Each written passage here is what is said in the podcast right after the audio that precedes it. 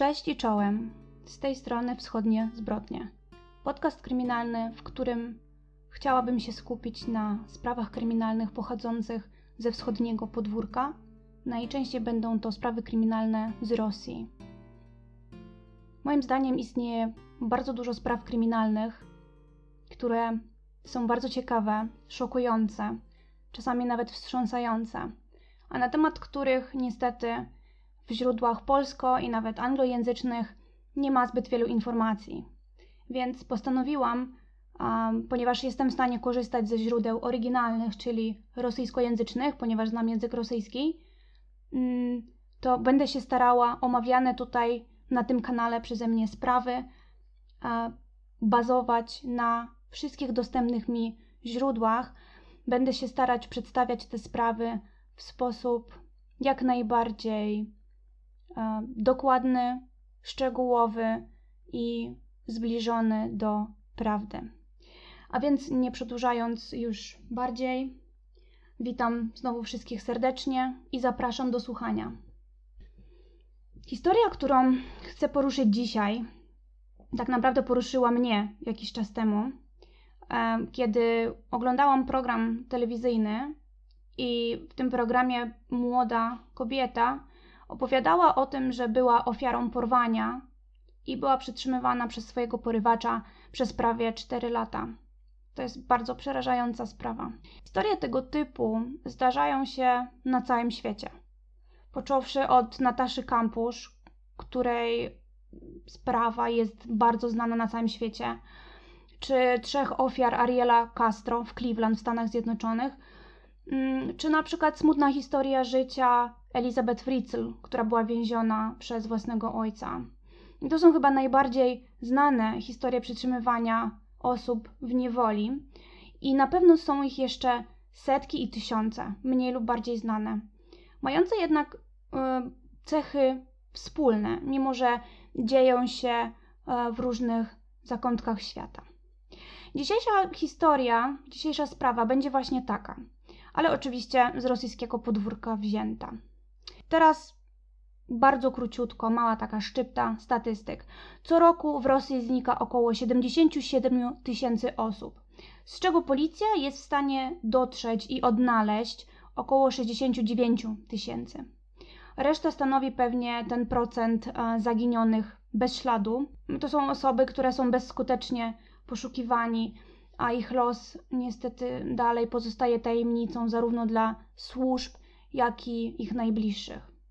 Na szczęście zaginione dziewczyny, o których dzisiaj będę mówić, należą do tej liczby szczęśliwie, e, znaczy nie wiem czy na 100% szczęśliwie, ale odnalezionych. E, mamy rok 2004. Na posterunek milicji, wtedy jeszcze, w mieście Skopin przychodzi młoda dziewczyna. Studentka technikum medycznego o imieniu i nazwisku Aliona Pestowa. Skopin to niewielkie miasto, które się znajduje w obwodzie riazańskim, niecałe 100 km od miasta Riazań. I to miasteczko ma około 30 tysięcy mieszkańców. A jeżeli ktoś e, nie wie albo jest zainteresowany, Riazań to jest dość duże miasto. Ono chyba należy do 30 największych miast e, w całej Rosji, więc powiedzmy, że ten Skopin jest takim przedmieściem, no jakaś tam pobliższa miejscowość to jest. A więc studentka, która przyszła na posterunek, przekazuje milicjantom ręcznie zapisaną kartkę, z której milicjanci wyczytują następujące słowa. Jesteśmy ofiarami porwania. Przytrzymuje nas w piwnicy. Zanieś proszę tę notatkę na milicję. Na pytanie milicjantów, skąd dziewczyna ma tą notatkę, ona odpowiada, że przypadkiem znalazła ją w jednym z pudełek do kasety magnetofonowej w swoim pokoju. A pokój dziewczyna wynajmuje w Skopinie w domu jednorodzinnym.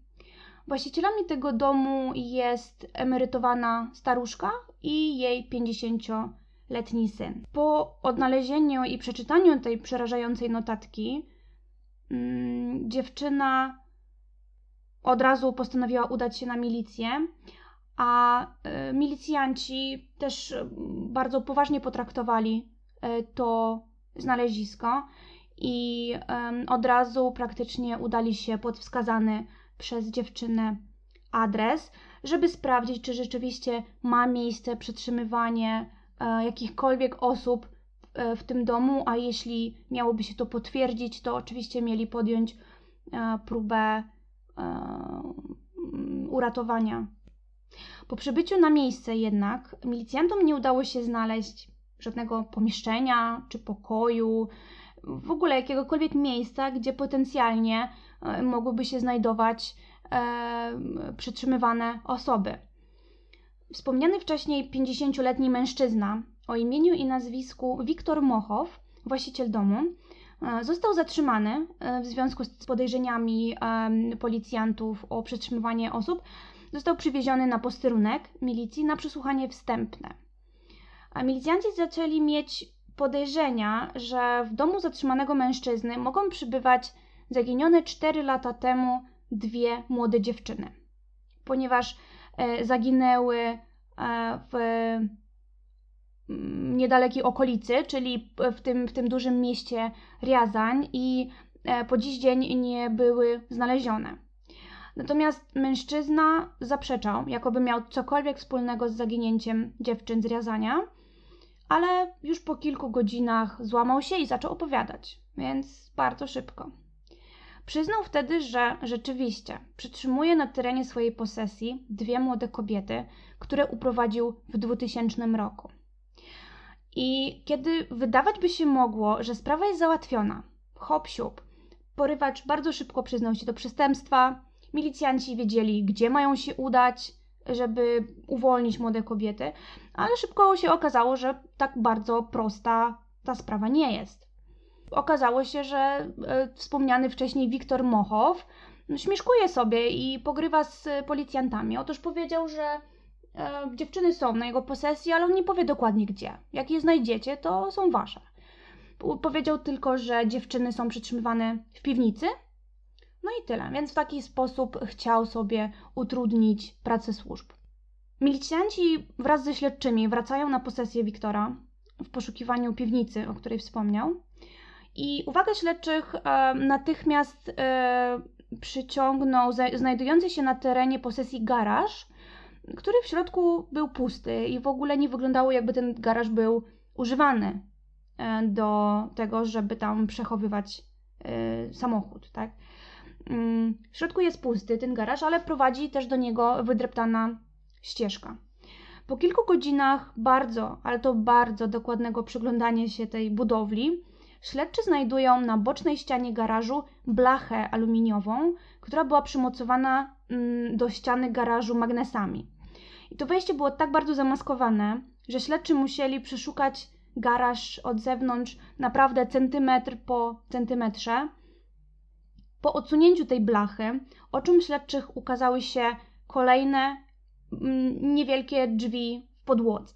Po otwarciu ich trzeba było zejść kilka metrów po drabinie w dół. Po zejściu w dół po prawej stronie znajdowały się kolejne metalowe drzwi, a za nimi ostatnie betonowe drzwi o grubości około 20 cm. Po pokonaniu tych wszystkich zabezpieczeń śledczy weszli do malutkiego pokoiku, dokładnie 2 na 3 metry kwadratowe, w którym znajdowało się łóżko piętrowe, biurko, szafka, malutki telewizor, a na podłodze stała mała kuchenka do przyrządzania posiłków. W pokoju, tym malutkim pokoju 2 na 3 metry, znajdowały się zaginione 4 lata temu dwie młode dziewczyny. Jedna z nich w bardzo zaawansowanej ciąży. A teraz chciałabym, żebyśmy się cofnęli do samego początku historii i żebyśmy się przejrzeli temu, jak doszło do tego, że te dwie młode kobiety były przetrzymywane przez Wiktora Mochowa pod ziemią w bunkrze przez prawie 4 lata. Historię zaczynamy tak naprawdę od tego, że są sobie dwie przyjaciółki, Lena i Katia. A tak naprawdę były to Jelena Samochina, lat 17 i Jekaterina Martynowa, lat 14 i mamy 30 września 2000 roku. No więc mm, już prawie 20 lat temu. Więc dziewczyny wybierają się do centrum miasta Riazań, e, bo też w tym mieście mieszkają, mm, na takie Miejskie obchody święta wiary, nadziei i miłości. Nie wiem, na czym dokładnie to polega i o co chodzi e, w tym dniu, ale możemy sobie wyobrazić jakiś koncert w plenerze, młodzież, muzyka, może jakieś aktywności inne, outdoorowe, jedzenie, sztuczne ognie itd. Tak Jedno źródło podaje inną wersję, że dziewczyny poszły do klubu nocnego, ale jednak, jednak większość wskazuje na to, że były właśnie w centrum miasta na tych obchodach. I szybka wzmianka tutaj, że właśnie Riazań to około półmilionowe miasto, jedno z największych w Rosji.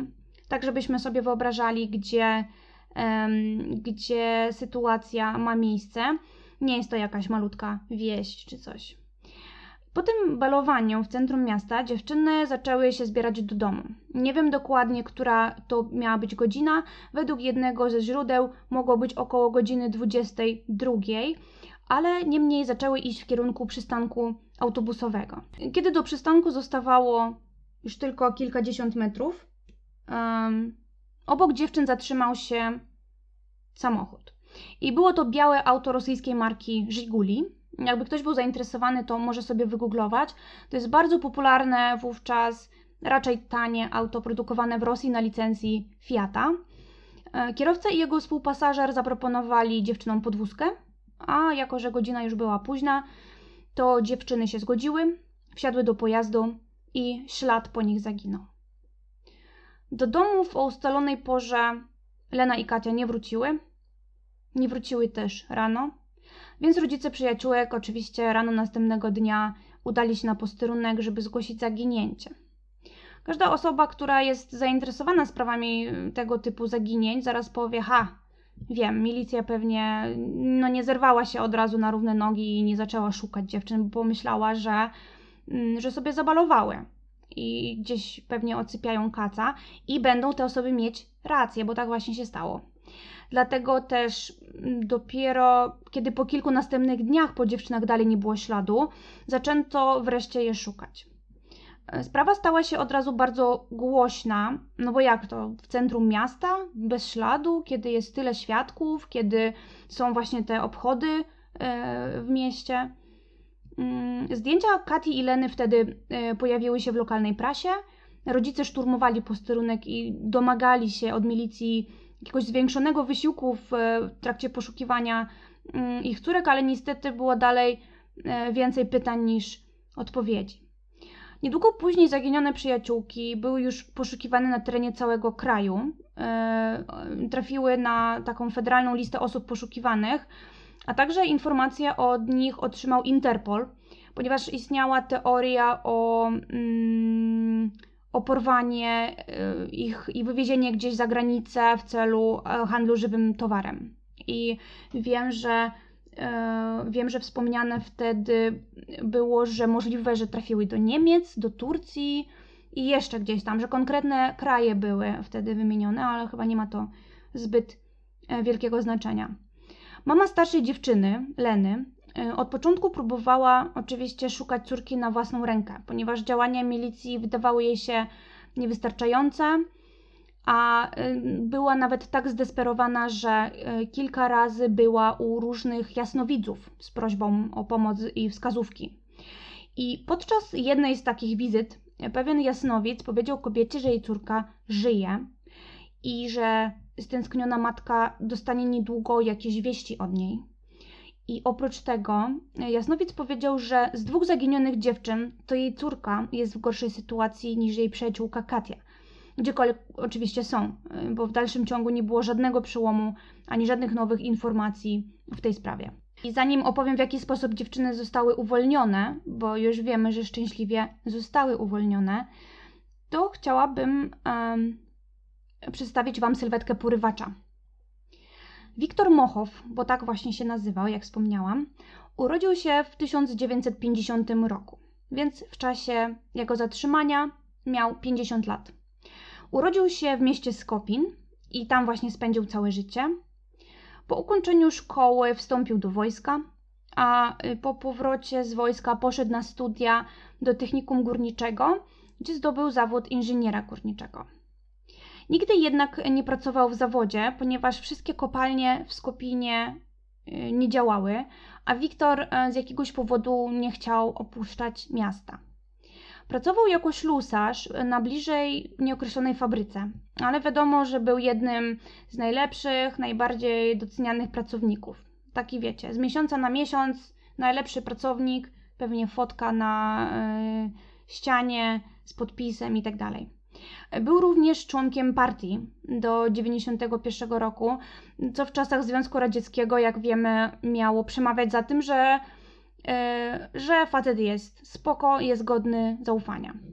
Ogólnie miał opinię cichego, skromnego, ale bardzo pracowitego mężczyzny. Nie udało mi się znaleźć informacji za bardzo o jego ojcu, ale wiadomo, yy, że mieszkał z matką. Alicją Mochową. I była to kobieta bardzo autorytarna i kontrolująca. E, była taką kobietą, która bardzo ograniczała kontakty Wiktora z innymi kobietami. E, I ponieważ przez to nie mógł e, poznać jakiejś dziewczyny i znaleźć sobie partnerkę życiową, to zaczął w młodości już korzystać z usług prostytutek. Znalazłam informację, że był żonaty ale rozwiódł się z żoną już po trzech miesiącach i nie mieli dzieci. Co było z tą żoną, co było powodem rozwodu, tego absolutnie nie udało mi się e, znaleźć, ale taki krótki epizod był.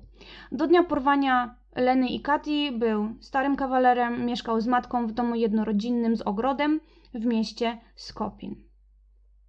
A teraz e, skąd w ogóle pomysł porwania dziewczyn, przetrzymywania i w ogóle e, gdzie dokładnie one były przetrzymywane? Teraz opowiem właśnie o tym bunkrze. Ten bunkier, e, który był zbudowany przez Wiktora, znajdował się na głębokości 6 metrów. Zaczął go budować w 1997 roku i rozpoczął od kopania dołu w ogrodzie. Według matki Wiktora y, mówił, że będzie to piwnica do przechowywania różnych ogórków, przetworów, y, dżemów itd. Tak Budowanie podziemnego bunkra y, zajęło Wiktorowi 3 lata i wywiózł wtedy oczywiście ogromną ilość ziemi z posesji, podprowadził do bunkru prąd i wentylację. E, a ten garaż, który się znajduje dokładnie nad bunkrem, e, w większym stopniu miał służyć jako zmyłka, żeby po prostu zakryć e, ślady jakiegoś kopania, jakiejś manipulacji z ziemią w tym miejscu. Więc mężczyzna postanowił postawić tam bardzo prymitywny, taki blaszany budyneczek. Podczas wywiadu Wiktor Mochow opowiedział, że do całej akcji zainspirował go pewien artykuł, który przeczytał sobie w gazecie o tym, jak pewien mężczyzna zbudował właśnie bunkier i przetrzymywał tam swoje e, niewolnice. I on sobie wszystko bardzo doskonale zaplanował i e, właśnie przez trzy lata pracował nad każdym szczegółem e, miejsca, w którym miał w planach więzić swoje niewolnice. I w dzień porwania, czyli 30 września 2000 roku, e, kiedy już wspomniałam, że obok dziewczyn zatrzymał się biały samochód i zaproponowano im podwózkę, to w środku był właśnie 50-letni Wiktor Mochow i jego współpasażer Aleksiej. E, dziewczyny mówiły na niego Losza, więc ja też będę go tutaj nazywać Loszą. Zaproponowali właśnie dziewczynom podwózkę, e, dziewczyny podały adres, i samochód ruszył w kierunku ich domów. Losza e, po chwili wyciągnął butelkę wódki i rozlał do trzech plastikowych kubeczków. Odwrócił się do dziewczyn i zaproponował napić się z okazji święta. E, Katia, e, bo przypominam, że miała 14 lat, ale niemniej absolutnie nie chciała pić alkoholu, ale wtedy popatrzyła na swoją starszą przyjaciółkę, Lenę. E, a ta bardzo niechętnie, ale jednak wzięła kubeczek od Loszy. Może głupio jej było odmówić, skoro mężczyźni robią im przysługę e, i podwożąc je do domu. Nie wiem.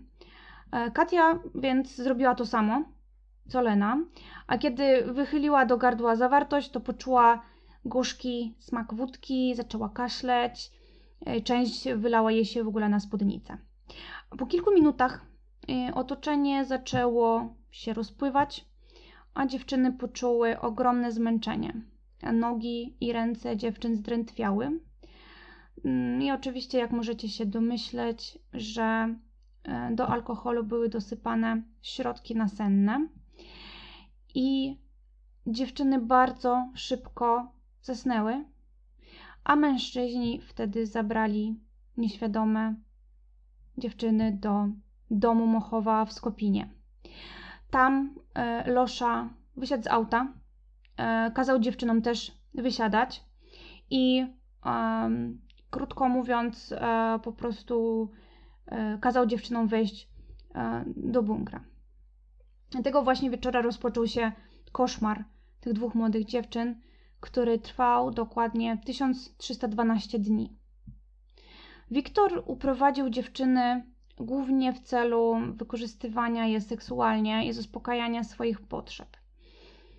Mm, według Kati e, potrzebował czuć władzę nad e, kobietami, a tej władzy nigdy nie miał. Jakikolwiek taki przejaw e, męskości albo sprzeciw był od razu doszczętnie niszczony jeszcze w zarodku przez jego matkę. Dlatego od kiedy Wiktor po raz pierwszy zamknął dziewczyny w bunkrze, to no już nie planował odpuszczać i ich życie zamieniło się w prawdziwe piekło. Gwałcił je często, prawie codziennie, a one wkrótce zrozumiały, że stawianie mu oporu absolutnie nic nie daje, a nawet odwrotnie, to powoduje, że Wiktor się złościł i, mm, i odmawiał im później e, dostarczania jedzenia i picia. Dziewczyny potem szybko dosyć zrozumiały, że y, stosunki seksualne muszą wymieniać niestety na jedzenie i picie, a czasami też na jakiś czas spędzony na świeżym powietrzu.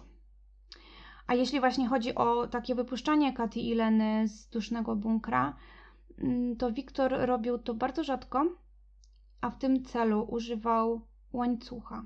Takiego łańcucha, um, no nie wiem, no kiedyś może we wsiach można było zobaczyć, jak mm, psa się przywiązuje takim łańcuchem e, do budy. Wiem, że obecnie raczej rzadko się stosuje takie rozwiązanie, bo to nie jest chyba zbyt fajne dla psiaka, bo to jest ciężkie i takie brzęczące. No ale w każdym razie mówimy właśnie o takim łańcuchu i w jakiś tam sposób je zapinał i w taki sposób wyprowadzał na zewnątrz jak psy. Na swojej posesji Wiktor hodował też króliki i kury. A według dziewczyn mm, właśnie bardzo często traktował je jakby były takimi królikami i, i nazywał je też małe zwierzątka. Mm, też możliwe, że przez e, matkę, która była taka, a nie inna, to strasznie nienawidził kobiet i mawiał dosyć często, że kobieta to w ogóle nie jest człowiek. Czasami Wiktor odłączał bunkier od prądu, a dziewczyny wtedy zostawały na kilka dni w totalnej ciemności i bez ogrzewania, bo jak mówiłam, znajdowały się 6 metrów pod ziemią, strasznie wtedy marzły. A z kolei, kiedy chorowały, na przykład któraś z nich e, miała przeziębienie, to nie dostawały w ogóle żadnych leków. A za karę, e, za naprawdę najdrobniejsze przewinienie czy nieposłuszeństwo, Wiktor bardzo dotkliwie bił kobiety. Mówił im też, że będzie musiał je kiedyś zabić i że już wybrał miejsce, że na swojej posesji E, ma drzewo jabłoni e, i według niego jest to idealne miejsce, żeby w momencie, kiedy je zabije, nie mówił dokładnie kiedy, tylko mówił, że ma coś takiego w planach, to właśnie tam ma zamiar wykopać dołek i zakopać dziewczyny. Wynikiem licznych gwałtów wkrótce okazało się, że starsza dziewczyna Lena jest w ciąży. Wtedy dziewczyny coraz częściej zaczęły błagać porywacza, aby je uwolnił. Ponieważ najzwyczajniej w świecie bały się o to, jak przebiegnie poród i bały się o życie e, przyszłego dziecka Leny. Niestety zamiast tego, zamiast uwolnienia czy jakiejkolwiek pomocy, Wiktor pewnego dnia wszedł do bunkru i oznajmił młodszej dziewczynie, Kati, że ta będzie odbierała poród przyjaciółki. Rzucił jej wtedy podręcznik ginekologii i położnictwa, a dziewczyna miała na jej podstawie zastąpić lekarza i pomóc Lenie urodzić.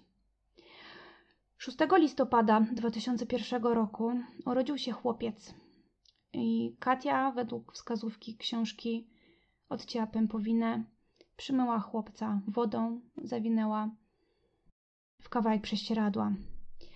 Chłopiec, którego matka nazwała Witalik, urodził się zdrowy, na szczęście.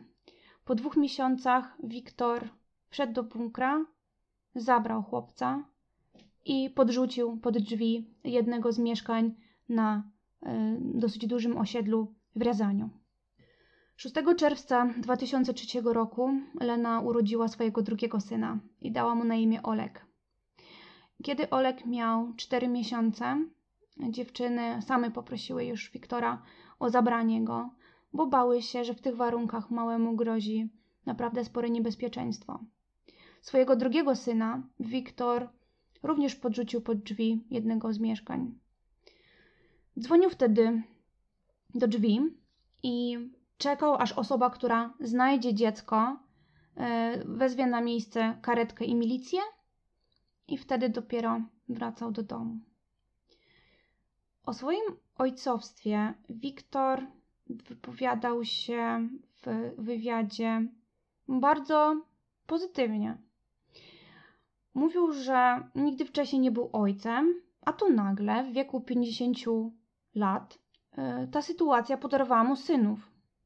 I tutaj, jako cytuję, bo Wiktor bardzo często to całe porwanie, wykorzystywanie seksualne, znęcanie się nad kobietami nazywał sytuacją. O taka to o, sytuacja. Jego ulubienicą z czasem zdecydowanie została młodsza Katia. Traktował ją trochę lepiej. Czasami otrzymywała od niego trochę więcej jedzenia. Na przykład czasami mówił jej, że dostanie od niego prezent, a tym prezentem e, miała być kolejna wycieczka na zewnątrz na łańcuchu. Pewnego dnia Wiktor wspomniał, że od niedawna wynajmuje u niego pokój studentka medycyny, Alona, i że bardzo możliwe, że niedługo dołączy do dziewczyn jako kolejna niewolnica i zakładniczka. Powiedział wtedy, że będzie im we trzy wtedy zdecydowanie raźniej. Wtedy młodsza Katia postanowiła tę sytuację wykorzystać i spróbować uratować siebie i swoją przyjaciółkę Lenę. Ale wtedy nie wiedziała jeszcze jak. Zaczęła więc udawać, że ona odwzajemnia uczucia swojego porywacza, bo jak wspominałam, Wiktor bardzo ją lubił. Była wobec niego miła i serdeczna. I tutaj mogę sobie wyobrazić, jakie to musiało być dla niej trudne i takie obrzydliwe, żeby e, właśnie zachowywać się w taki sposób sympatyczny w stosunku do e, faceta, który był tak brutalny w stosunku do niej i do Leny, e, i wynikiem którego były dwie ciąży Leny i dwa porody, które właśnie ta Katia odbierała, ale wydaje mi się, że mogły w tym momencie już mieć tej sytuacji tak serdecznie dosyć, że mogły zrobić wszystko, co w ich mocy, wszystko możliwe i niemożliwe, żeby się jakoś uratować. I wtedy między Katią a Wiktorem doszło do takiej rozmowy, w której Wiktor zdradził, w jaki sposób planuje e, porwać Alonę i mm, umieścić ją w bunkrze. Otóż powiedział, że e, planuje zrobić mniej więcej to samo, co zrobił Kati i Lenie, czyli że dosypie jej do drinka e, środków nasennych, i po prostu ją później zniesie do bunkra. I nie powinno to być problematyczne, bo mieszka u niego w domu, więc ma zamiar po prostu zaprosić ją na drina, na taką posiadówkę e, i wtedy właśnie dosypie jej ten środek nasenny. A wtedy Katia zaproponowała e, Wiktorowi, że dla wiarygodności musi zabrać ją ze sobą na górę, żeby jakby razem z nimi dołączyła do, do tego picia wina, czy cokolwiek tam mieli pić.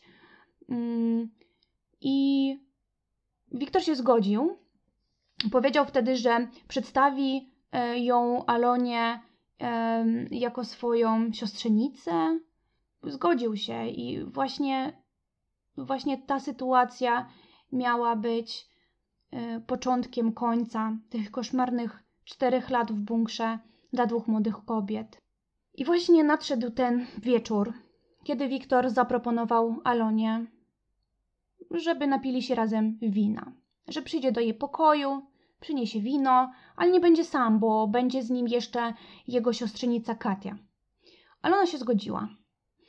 Więc kiedy Wiktor i Katia przyszli do pokoju Alony, Wiktor polał i podał Alonie kieliszek wina, e, już wcześniej wymieszany ze środkami nasennymi, to Katia w bardzo delikatny, bardzo taki niezauważalny sposób dała sygnał Alonie, żeby tego nie piła, a dziewczyna na szczęście ten sygnał odebrała i w ten sposób uratowała się przed y, y, byciem porwaną przez Wiktora.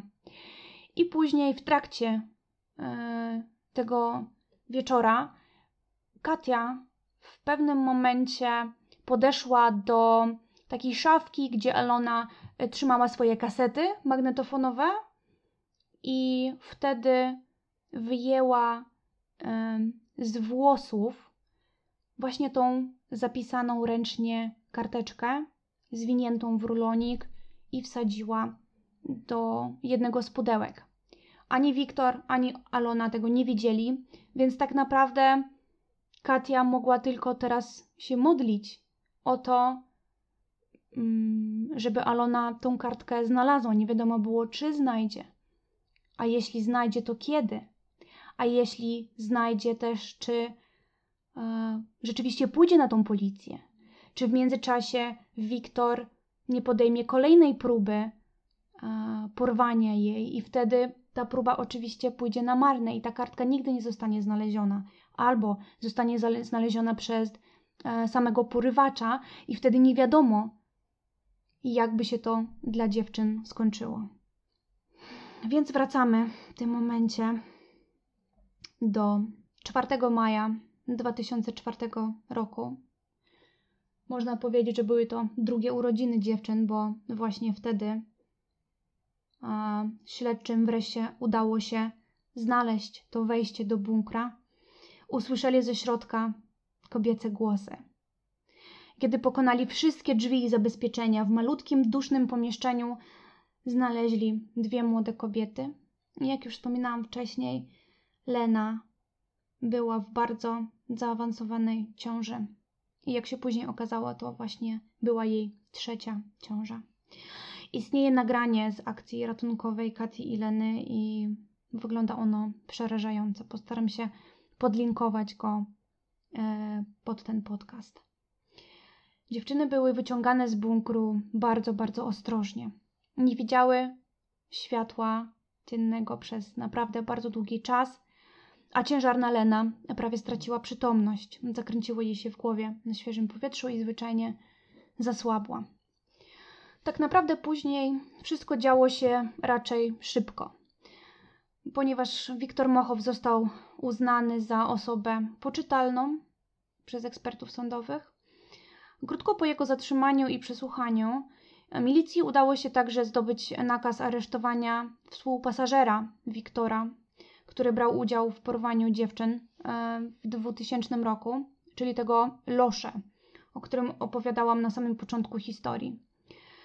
Nie ma żadnych wątpliwości, że nie dość, że gość pomógł Wiktorowi w porwaniu i podawaniu środki, środków nasennych i umieszczeniu Kati i Leny w bunkrze, a jak też również, że przez te całe lata nie zgłosił tego faktu na milicję, bo przecież mógł to zrobić, tak? I tutaj robi się ciekawie, bo po zatrzymaniu tego asystenta porwania dziewczyn okazało się, że Losza żadnym Loszą nie był. Co więcej, nie był nawet mężczyzną. Osobą, która jechała z Wiktorem tego dnia na pasażerskim siedzeniu była kobieta. Nazywała się Jelena Badukina. I to jest w sumie bardzo ciekawa informacja, bo widziałam e, zdjęcia i nagrania z tą Jeleną. I rzeczywiście, jakby się bardzo postarać, to można byłoby ją pomylić e, z facetem. To jest taka krępa, krótko strzyżona kobieta, która też była ubrana e, w takie ciuchy, raczej takie workowate, przypominające bardziej męskie. Też wyczytałam taką informację, że ponieważ Jelena y, miała za sobą już e, czas w więzieniu, bo jakiś czas temu otrzymała i odsiedziała wyrok za e, kradzież, no to właśnie z tego więzienia, jak wyszła, to zachowywała się w taki męski sposób. Więc ta Jelena też została zatrzymana i też miała proces w związku z porwaniem dziewczyn. Udało mi się też dotrzeć do takiej informacji, że przez te całe 4 lata, nie, prawie 4 lata, kiedy Lena i Katia były przetrzymywane w bunkrze, to milicja była naprawdę bardzo blisko e, zatrzymania Wiktora Mochowa i możliwe, że wtedy e, byliby w stanie skrócić ten koszmar dziewczyn, które przeżyły w tym bunkrze. I była to taka sytuacja, że w Skopinie, czyli w tym mieście, gdzie e, mieszkał Wiktor Mochow, e, milicja dowiaduje się, że pewien mężczyzna, 50-letni, próbuje znaleźć i kupić w mieście Skopin truciznę. I proponuje za tę truciznę dosyć pokaźną sumę pieniędzy. Milicji nawet udało się zidentyfikować tego mężczyznę i był nim oczywiście Wiktor Mochow, pracownik e, lokalnej fabryki. I milicję wtedy bardzo zdziwił fakt, że y, taki bardzo skromny, ale też bardzo chwalony pracownik chce kogoś otruć. Mm, I niestety na tamtym etapie milicja uznała, że ktoś y, w mieście robi sobie żarty z tego cichego kawalera y, i sprawę olano. Absolutnie nie poniósł Wiktor żadnych konsekwencji. Nawet właśnie uznano, że ktoś próbuje go wrobić albo robić sobie z niego żarty. Proces Wiktora Mochowa i Jeleny Badukinej e, był raczej krótki. Ponieważ było mnóstwo dowodów niezaprzeczalnych. Były dziewczyny, które opowiedziały swoją wersję wydarzeń. I Wiktor Mochow za to wszystko, co zrobił, dostał 17 lat więzienia. Czy to jest dużo, czy mało? Zostawiam to do Waszego przemyślenia. Każdy sobie pewnie e, sam odpowie na to pytanie. A Jelena Badukina dostała wyrok 5,5 lat więzienia. Jelena Badukina pewnie dawno już wyszła z więzienia, chyba że trafiła do niego ponownie za jakieś przestępstwo, nie wiadomo. Natomiast e, Wiktor Mochow powinien wyjść z więzienia przyszłym roku czyli w 2021. A wracając do dziewczyn, to niestety po wyjściu, po czterech latach straconych, które spędziła razem z Katią w bunkrze, Lena poroniła, więc ta trzecia ciąża, zaawansowana ciąża, w której znaleziono ją 4 maja 2004 roku na posesji Mochowa, no, skończyła się w taki tragiczny sposób. Tak? Jest to po prostu kolejna tragedia, którą musiała przeżyć. Udało mi się też dowiedzieć, że niestety Katia i Lena nie mają obecnie ze sobą kontaktu i e, udało mi się dowiedzieć też, że e, to raczej ze strony Leny e, wyszło to, że przestała się odzywać do Kati. No pewnie E, można by ją zrozumieć, tak? Może chciała się po prostu odciąć od całego wcześniejszego życia, chciała się odciąć od tych wspomnień i e, zacząć swoje życie na nowo. E, dotarłam do tego, że próbowała znaleźć swoje dzieci, które urodziła podczas swojego pobytu w bunkrze Mochowa, ale czy jej się to udało? No może się udało, ale raczej nie zabrała tych dzieci. Też można sobie wyobrazić, że e, dla tych dzieci e, mogłoby to być e, trudne, ponieważ Lena jest dla nich obcą osobą, a te dzieci znalazły mm, rodziny i miały już jakoś poukładane życie. Jelena nauczyła się angielskiego bardzo dobrze i w dzisiejszych czasach uczy tego angielskiego w szkole. Mm, Katia ma również rodzinę, ma syna i córkę. Katia również, już będąc dorosłą kobietą, napisała książkę o tym, co spotkało ją i jej przyjaciółkę Lenę w bunkrze Wiktora Mochowa. A też y, znalazłam takie informacje, że Katia podczas pobytu w tym bunkrze radziła sobie w ten sposób, że pisała wiersze. I po tym, jak dziewczyny zostały uwolnione, to po jakimś czasie Katia poprosiła śledczych, czy może tam wrócić do tego bunkra, ponieważ bardzo by chciała odzyskać swój notatnik, w którym przez e, prawie 4 lata więzienia mm, napisała ponad 320 wierszy. I to już jest koniec dzisiejszej historii. Mam nadzieję, że jako że to jest mój pierwszy podcast, udało mi się opowiedzieć ją e, w sposób chronologiczny, jasny i dokładny. A przynajmniej taki był mój zamiar i tak bardzo starałam się zrobić. E, historia jest dla mnie przerażająca i ona mnie bardzo, bardzo ruszyła. E, ponieważ oglądałam też wszystkie nagrania i wywiady z Wiktorem Mochowym i też nagranie uwolnienie dziewczyn w 2004 roku. Ja to wszystko oczywiście podlinkuję. E, natomiast e, kiedy na własne oczy zobaczyłam ten bunkier, a potem zobaczyłam uśmiechającego się Wiktora Mochowa, który rzeczywiście nie wygląda jak żaden skopiński porywacz, jak na niego mówią w rosyjskich mediach. Wygląda raczej na takiego wiecznie uśmiechniętego, pomocnego sąsiada w podeszłym wieku, który zawsze ci pomacha, przywita się, a może nawet poczęstuje jabłkami z własnego ogrodu. Tak właśnie wygląda Wiktor Mochow. Jestem ciekawa, co sądzicie na temat jego wyroku. Czy myślicie, że to jest za mało, czy to jest za dużo? Czy powinna być jakaś inna kara, inny wyrok powinien dostać ten mężczyzna? Moim zdaniem to, co zrobił dziewczynom, zostanie z nimi na zawsze.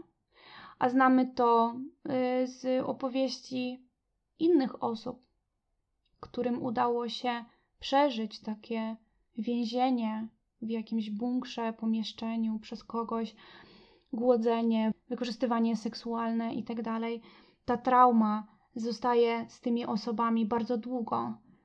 I mimo, że dziewczyny otwarcie się o tym nie wypowiadają, to myślę, że one nie są wyjątkami.